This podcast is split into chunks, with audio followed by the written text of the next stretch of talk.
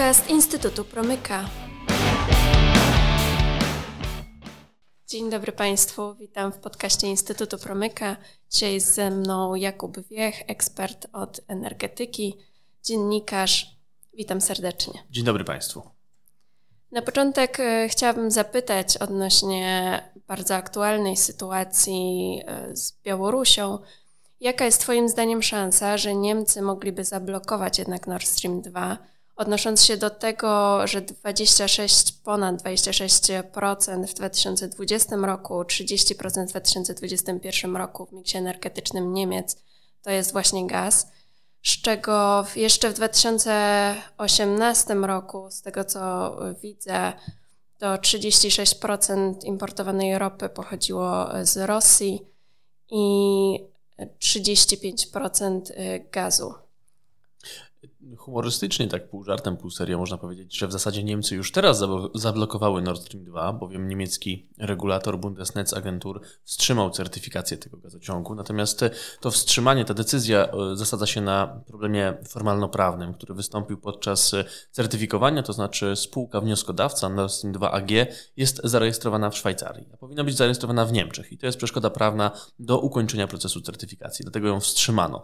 Natomiast e, nie widzę, szczerze mówiąc, możliwości Y, zmiany podejścia Niemiec do kwestii gazociągu Nord Stream 2, nawet pomimo tego, że w międzyczasie zmienił się rząd w Berlinie, zmienia się w zasadzie teraz, gdyż y, Mamy już tutaj, y, jesteśmy po pożegnaniu kanclerz Angeli Merkel. Ona zostanie bodajże 8 grudnia zastąpiona na stanowisku e, kanclerza e, panem Olafem Scholzem, szefem e, SPD, który będzie tworzył rząd złożony z Zielonych oraz z liberałów z FDP i e, udział Zielonych w tym rządzie, jedynej partii na scenie politycznej Niemiec, która, która kontestowała projekt Nord Stream 2, był takim impulsem skłaniającym niektórych komentatorów do zastanawiania się, czy może wtedy Niemcy wstrzymają jakoś e, realizację tego połączenia lub certyfikację, bądź zupełnie porzucą koncepcję gazociągu łączącego e, Niemcy z, z, Rosją, tego drugiego, bo już jeden jest i działa od 2012 roku. Natomiast na to szans raczej nie ma. To znaczy, mamy e, ukończony projekt Nord Stream 2 technicznie, on jest gotowy do, do użycia,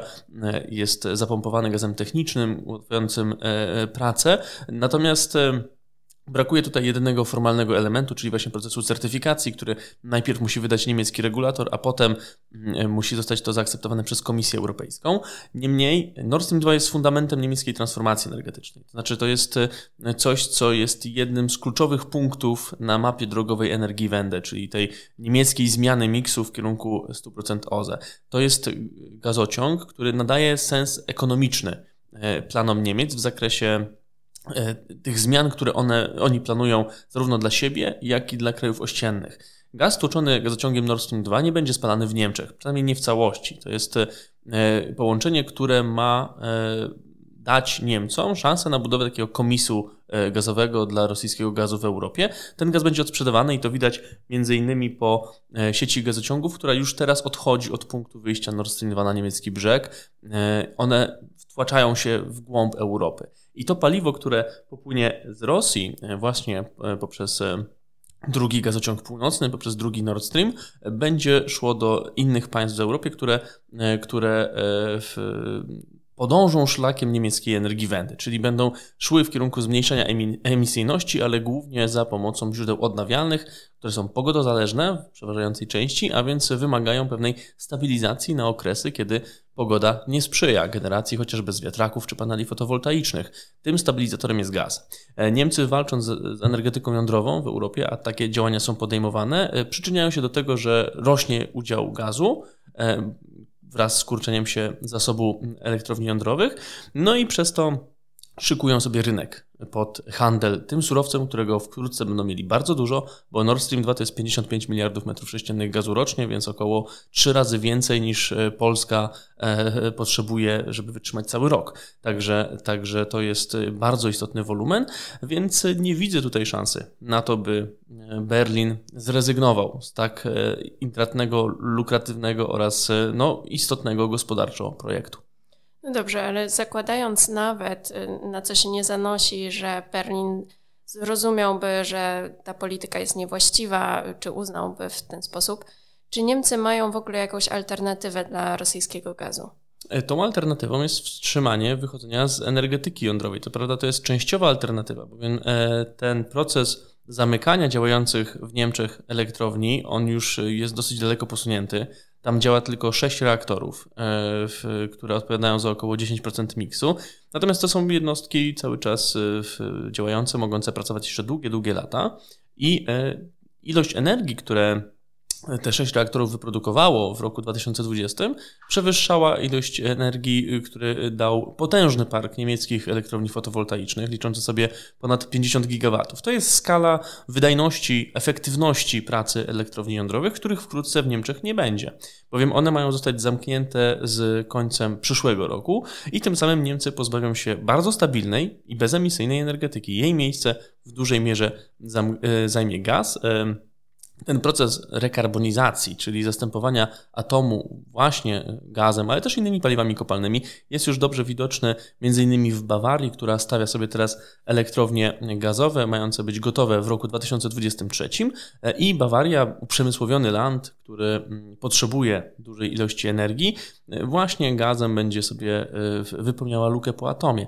I tak będzie w zasadzie w każdym miejscu, na świecie, które odejdzie od spalania, e, od, od używania e, energetyki jądrowej no, tam w pewnym w pewnym mniejszym lub większej części zawsze będą paliwa kopalne. Niestety e, Niemcy no, w tym momencie to takie refleksje na temat wychodzenia z atomu powinny być rozstrzygane, uważam, na płaszczyźnie strategicznej, bowiem ten rok, rok 2021, pokazał dosyć dobitnie, że po pierwsze mamy za miedzą państwo agresywne, Rosję, która e, używa sobie gazu jako broni politycznej, bowiem Rosjanie od początku w zasadzie e, tego roku szantażują Europę gazowo i ograniczają podaż gazu na rynki e, europejskie, czym podbijają ceny, wywołując takie spiętrzenie kryzysów na tym, na tym rynku. Natomiast no, do, do, do łask przez to wraca węgiel i to widać w Niemczech bardzo dobrze, gdzie we wrześniu Niemy, węgiel brunatny był naj, największym źródłem energii elektrycznej, co jest porażką energii Wende, bo przecież nie po to Niemcy ładowali 400 miliardów euro przez 20 ostatnich lat w tą transformację, żeby teraz pokazywać światu, jak to opalają sobie węglem energetykę. Natomiast to, to jest, to są te czynniki, które powinny się przełożyć na pewną refleksję, czy wyjście z atomu to jest na pewno dobra droga. I pojawiają się głosy w Niemczech, że może trzeba ten termin przesunąć, że może nie jesteśmy gotowi. Natomiast tutaj właśnie ten wpływ zielonych myślę, że będzie decydujący. To znaczy, Zieloni to jest partia, która ma w swoim DNA sprzeciw wobec energetyki jądrowej. Oni wyrośli na gruncie sprzeciwu wobec atomu e, i Zieloni w rządzie oznaczają tylko większy nacisk na wyjście z energetyki jądrowej na e, próby odwodzenia państw europejskich od projektów jądrowych, no tutaj myślę, że warto zwrócić uwagę na to, iż funkcję ministra spraw zagranicznych w nowym rządzie w Berlinie obejmie e, e, szefowa e, Zielonych, Anna Baerbock i to może być pewien przyczynek do natężenia działań niemieckich związanych właśnie z, z próbami forsowania antyjądrowej polityki w Europie. Tutaj mamy cały czas z tyłu głowy pracę nad taksonomią, czyli nad agendą inwestycyjną Unii Europejskiej, która pozwoli określić, jakie projekty inwestycyjne mogą liczyć na, na finansowanie z różnych źródeł i jeżeli tam atomu nie będzie w tej właśnie taksonomii,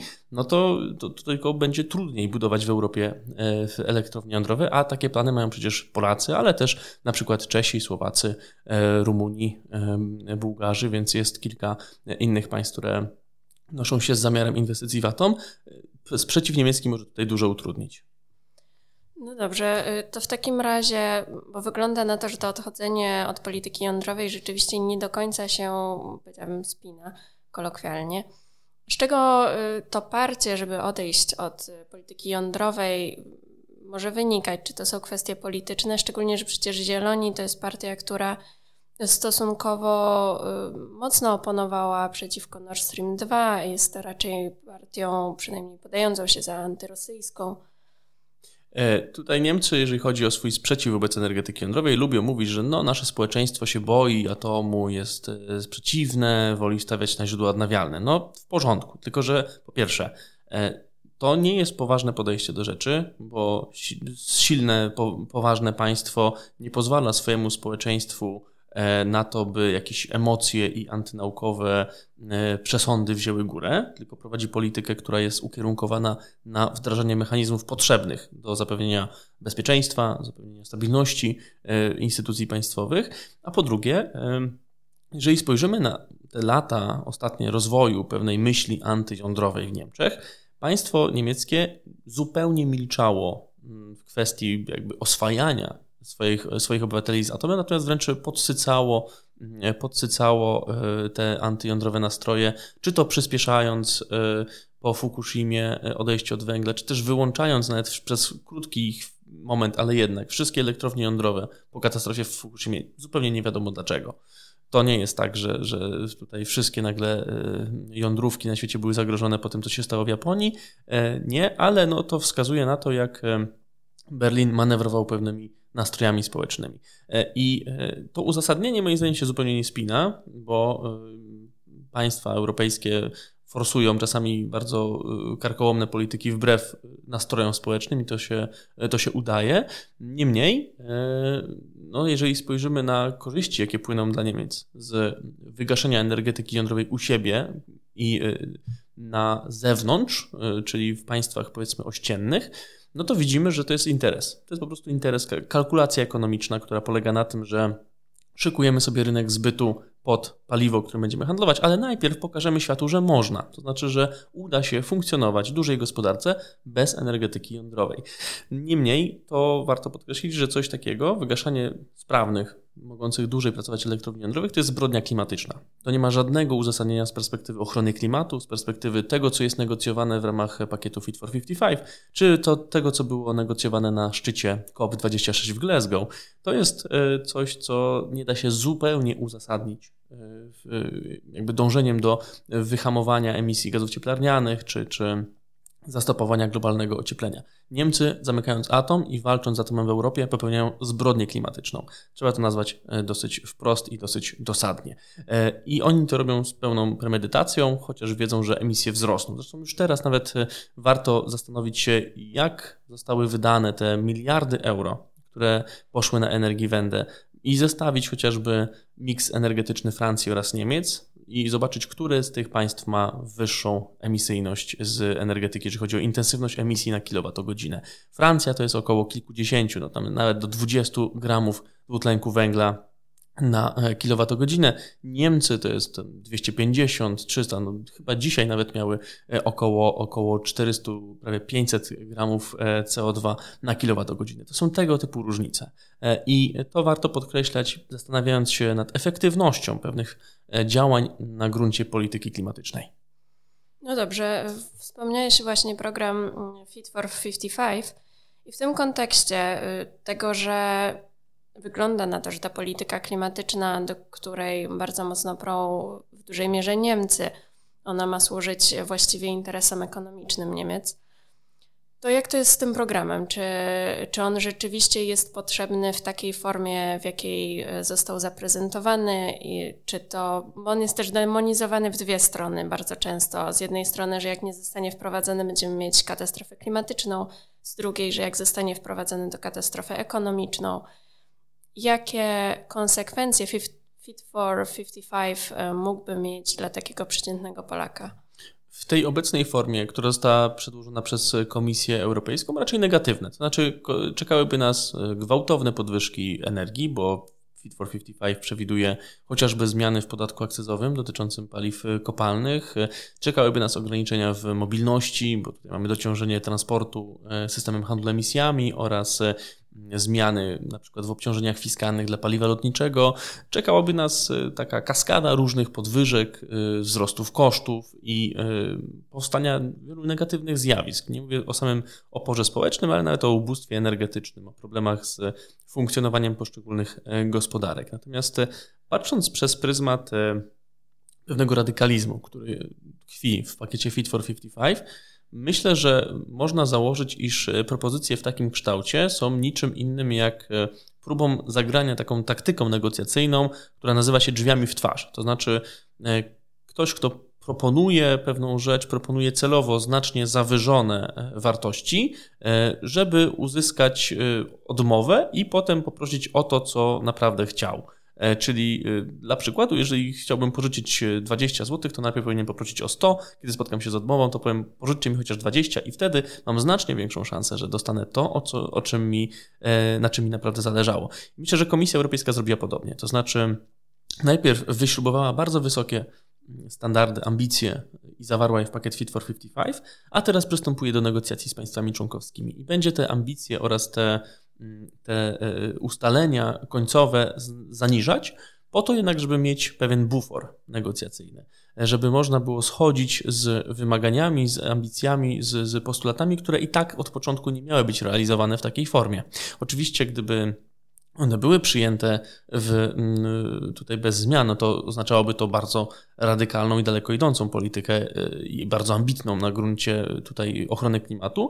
Niemniej uważam, że, że Bruksela zdaje sobie sprawę z pewnych reperkusji tego pakietu. Natomiast to w tym momencie jest y, przedmiotem y, no, negocjacji już y, takich też y, powiedzmy między państwami członkowskimi. Wiadomo na przykład, że Szwedzi chcą z Polakami troszeczkę nacisnąć na e, w politykę leśną. Wiadomo, że przemysły samochodowe z Francji, z Niemiec, z e, Włoch starają się jakoś komunikować w zakresie tego, co można ugrać w kwestii rejestracji nowych samochodów z silnikami spalinowymi, więc e, czekają nas takie no, długie i bardzo drobiazgowe negocjacje. Sam pakiet jest około 4000 stron, więc y, przejrzenie tego to jest już pewien wysiłek, a co dopiero wynegocjowanie i, i można sobie wyobrazić, ile tutaj jest roz, rozmaitych kombinacji. Są trochę takie szachy polityczne, 4D w zasadzie, e, których efektem ma być konkretna polityka energetyczna i klimatyczna Unii Europejskiej.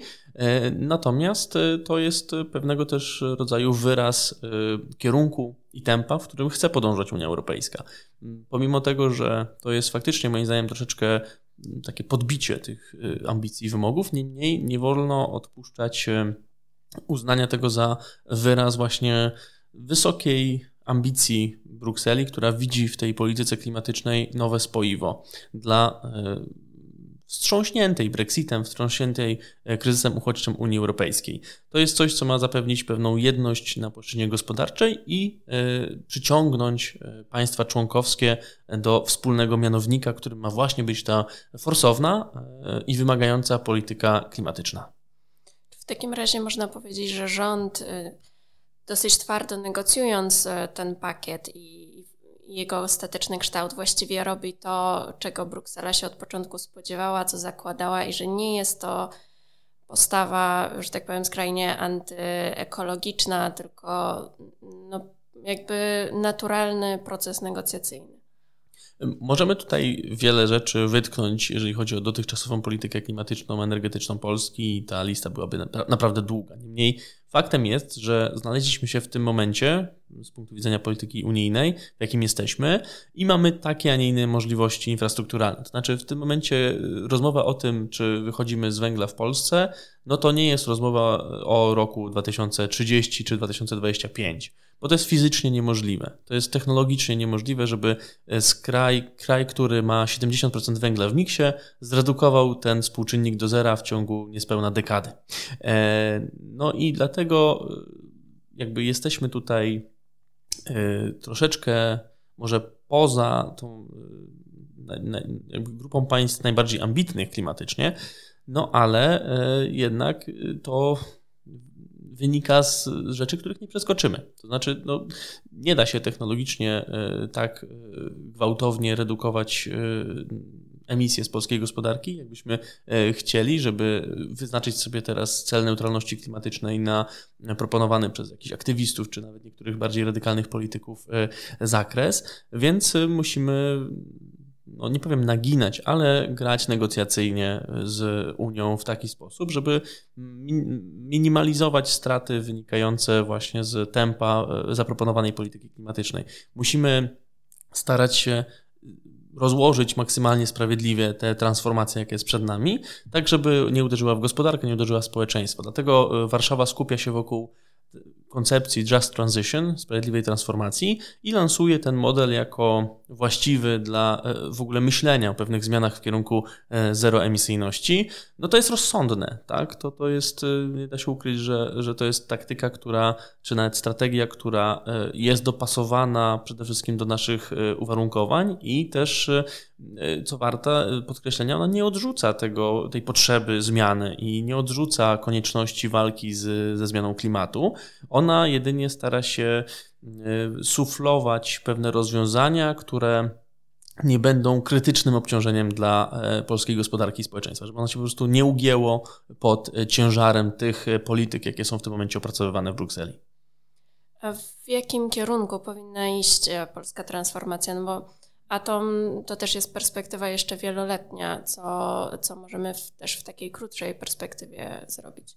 E, powiem tak generalnie, polska transformacja powinna iść w kierunku maksymalnie szybkiego i e, stałego oraz głębokiego obniżenia emisji gazów cieplarnianych. To jest cel, który nam przyświeca. E, I właśnie myślę, że warto to podkreślić na, na, na początku, że celami klimatycznymi, e, takimi generalnymi, podstawowymi nie jest udział tej czy innej technologii na poziomie X, czy efektywność energetyczna na poziomie X, tylko właśnie odchodzenie od emisji.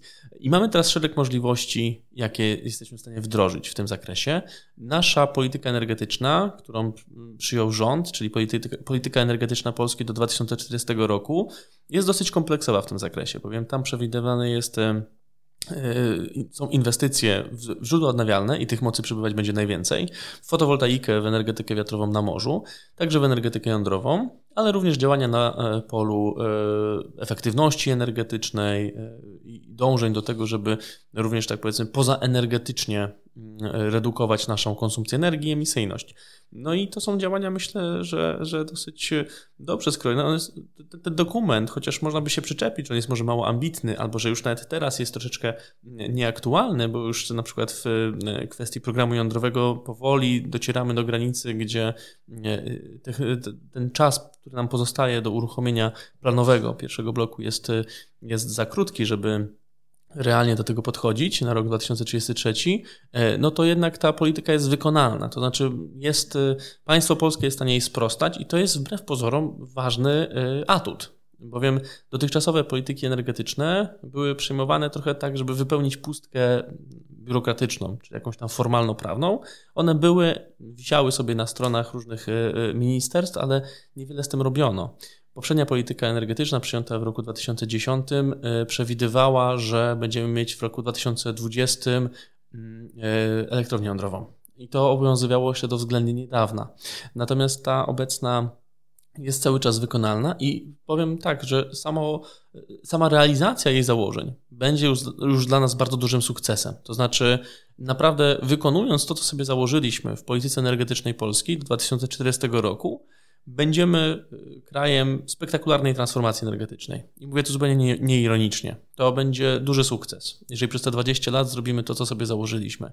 E, I, i, i y, to by już oznaczało, że, że no przyłożyliśmy się do, do pewnej zmiany w ogóle paradygmatu gospodarczego w Polsce.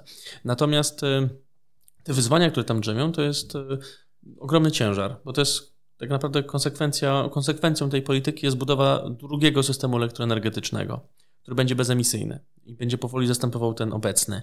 E, myślę jednak, że e, tutaj, biorąc pod uwagę tempo takich makroekonomicznych zmian, których jesteśmy też przedmiotem, to e, ten nacisk na odchodzenie od paliw kopalnych, ale jednocześnie też możliwości technologiczne oraz powiedzmy instytucjonalno-finansowe w zakresie tworzenia nowych form generacji energii, czy, czy tworzenia nowych technologii, e, transformacji proklimatycznej będą tylko rosnąć. My już teraz też przez ostatnie 10 lat obserwujemy, jak gwałtownie przyspieszyła polityka klimatyczna, głównie w Unii Europejskiej, ale też na świecie. E, obecnie kraje odpowiedzialne za około 70% emisji e, są już po deklarowaniu swojej celów neutralności klimatycznej. To jest bardzo istotny sygnał polityczny, takich sygnałów będzie tylko przybywać. To, co mówisz, y, brzmi, powiedziałabym, że całkiem nieźle, no bo spore wyzwania przed nami, ale daje tu dużo więcej optymizmu niż można by się spodziewać, y, czy gdzieś tam to wybrzmiewa w y, mediach, nawet polskich, nie mówiąc o międzynarodowych. Bardzo Ci dziękuję, dziękuję za również. dzisiejsze spotkanie. Bardzo się cieszymy, że, że mogliśmy Cię dzisiaj gościć. Do usług. i mam nadzieję, że jeszcze kiedyś do nas zawitasz. Oby, jak najszybciej. Do widzenia Państwu, do usłyszenia.